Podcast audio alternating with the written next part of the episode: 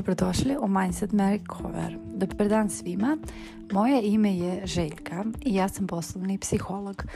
U ovoj prvoj epizodi podcasta htjela sam da pričamo o tome na koji način možemo da isprogramiramo svoj um za uspeh, ali pre toga željela sam da se bolje upoznamo i da vam ispričam put koji je mene doveo do ove današnje teme. Krajem 2019. godine došla sam na ideju da otvorim Instagram nalog na kojem bih delila neke savjete iz psihologije i organizacije i profil se tada zvao Produktivna. I što sam više učila i radila na sebi, to je bilo više sadržaja koji su bili vezani za ciljeve, samodisciplinu i motivaciju. Nešto što sam ja mislila da je najbitnije da bi se ostvario neki uspeh. Zapravo, glavni razlog Zašto sam baš tada pokrenula taj profil? ja zato što mi nije bilo kristalno jasno čime bih se ja kao psiholog bavila.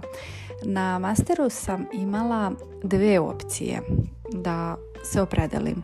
ili da budem poslovni psiholog ili psihoterapeut i dugo sam razmišljala i na kraju se odlučila za poslovnog psihologa. Iako je meni tada više odgovarala neka opcija koja je bila spoj i malo poslovne psihologije i psihoterapije, međutim nije bilo i ja sam se na kraju odlučila ipak za poslovnog psihologa. Krajem 2020. godine sam naišla na Instagramu na svoju sadašnju mentorku i vidjela da se ona bavi mindset coachingom. Znači ja sam prvo nju otkrila na Instagramu, mnogo mi se sviđao sadržaj koja pravi i bukvalno sam se slagala sa svim onim što je delila da bih e, negdje vidjela da je ona mindset coach. I tada sam jednostavno znala, to je to, to je bukvalno ono što želim, čime želim da se bavim i to je ono što sam ja intuitivno negdje tražila i konačno našla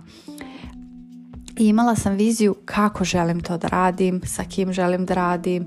i mislila sam da imam sve što mi je potrebno, da znam da postavljam ciljeve, znam kako sebe da motivišem i da disciplinujem da to sve ostvarim i odlučila sam da krenem u taj proces da postanem mindset coach. No, baš taj mindset mi je bio glavna kočnica u tome da se zaista upustim u ceo taj proces i da ga završim do kraja. Jer pune dve godine sam ja ceo taj proces odlagala i odogolačila iz mnogobrojnih razloga. Prvi put kada sam postavila cilj šta mi je sve potrebno da postanem mindset coach, preplavio me ogroman strah. Tada sam se suočila sa ogromnim nedostatkom samopouzdanja, što sam mislila da nemam problema sa tim i negde uverenja koja su me toliko blokirala da prosto sam odugovlačila ceo taj proces. I tada sam shvatila da i najjasnije postavljen cilj prosto nije dovoljan dok ne središ svoju glavu koja veruje u ostvarenje tog cilja. Znači, dok god imamo tu distancu između cilja, želje da ostvarimo taj cilj i glave koje koja uopšte ne veruje da si sposoban da prosto nema poverenja u tebe, da ti to možeš da ostvariš, javlja se toliko velik razmak koji dovodi u stvari do toga da odugovlačimo, da odlažemo i što bi se reklo prokrastiniramo. Kada postavimo pred sebe svoj veliki cilj, mnogo alarma se upali u našem umu do svih onih uverenja koje sputavaju i čine da ti se taj cilj čini teškim, pa čak i težim nego što jeste. Zatim se javlja anksioznost jer sirno želiš to nešto, a tvoj um je protiv tebe i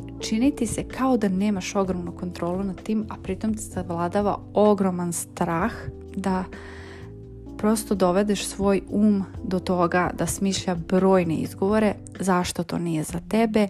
i treba ti izabereš nešto drugo, nešto što uopšte nema veze sa tim ciljem zato što toliko se učini to strašnim i teškim da bolje da biraš nešto što nema veze za tim, nešto što je mnogo jednostavnije i nešto u čemu ćeš biti početnik. I onda kad sebe dovedeš do depresivnih stanja jer se psihički umoriš od borbe između cilja i uverenja. I nešto što je meni najviše pomoglo u tom procesu jeste vođenje dnevnika ja sam se prosto odlučila da negdje intuitivno da vodim dnevnik, da pišem e, prosto kako se osjećam e, i naravno pisala sam u njega svaki dan, znači svaki put kada bi me uhvatilo to neko stanje ekstremne motivisanosti ja bih pisala šta je to što, što sve želim da uradim, postignem i kad bih se našla u stanju anksioznosti ili depresije i tada bih pisala o tim svojim mislima ali samo to zapisivanje misli mi nije naročito pomoglo. Znači ono što je napravilo promjenu jeste iščitavanje toga i učavanje obrazca ponašanja i, i onda sam shvatila u stvari kako ja mogu da izmenim taj obrazac. Znači sigurno bi ovaj proces bio mnogo brži uz psihoterapeuta i ne bi trajao dve godine, vjerojatno bih ja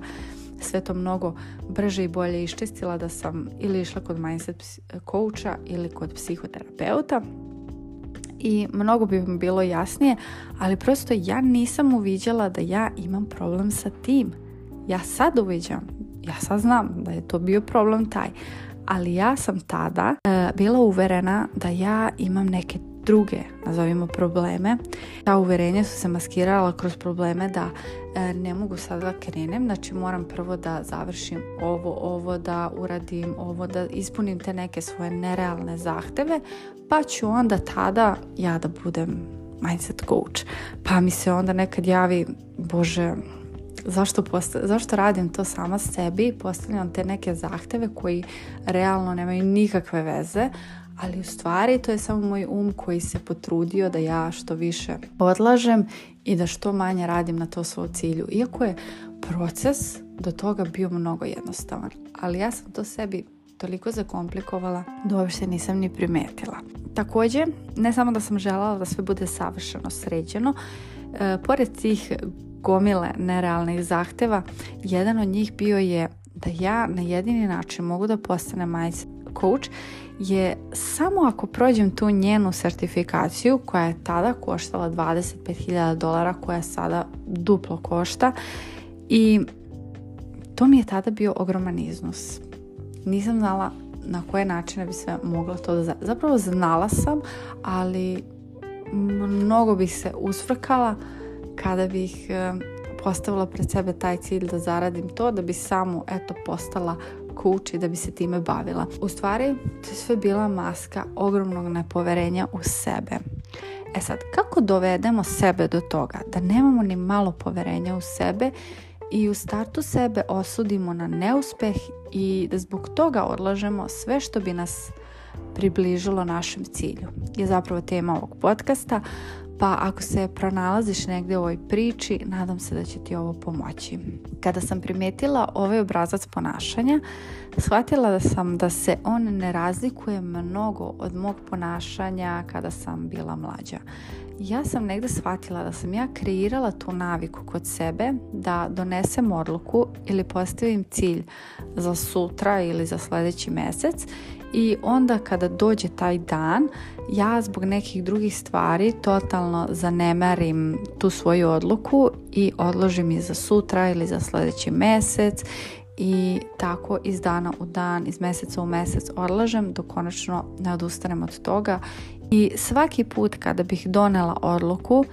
kada sam ja donela odluku da uradim sve da postanem mindset coach, moj um je po navici počeo da odlaže i radio je to na različite načine.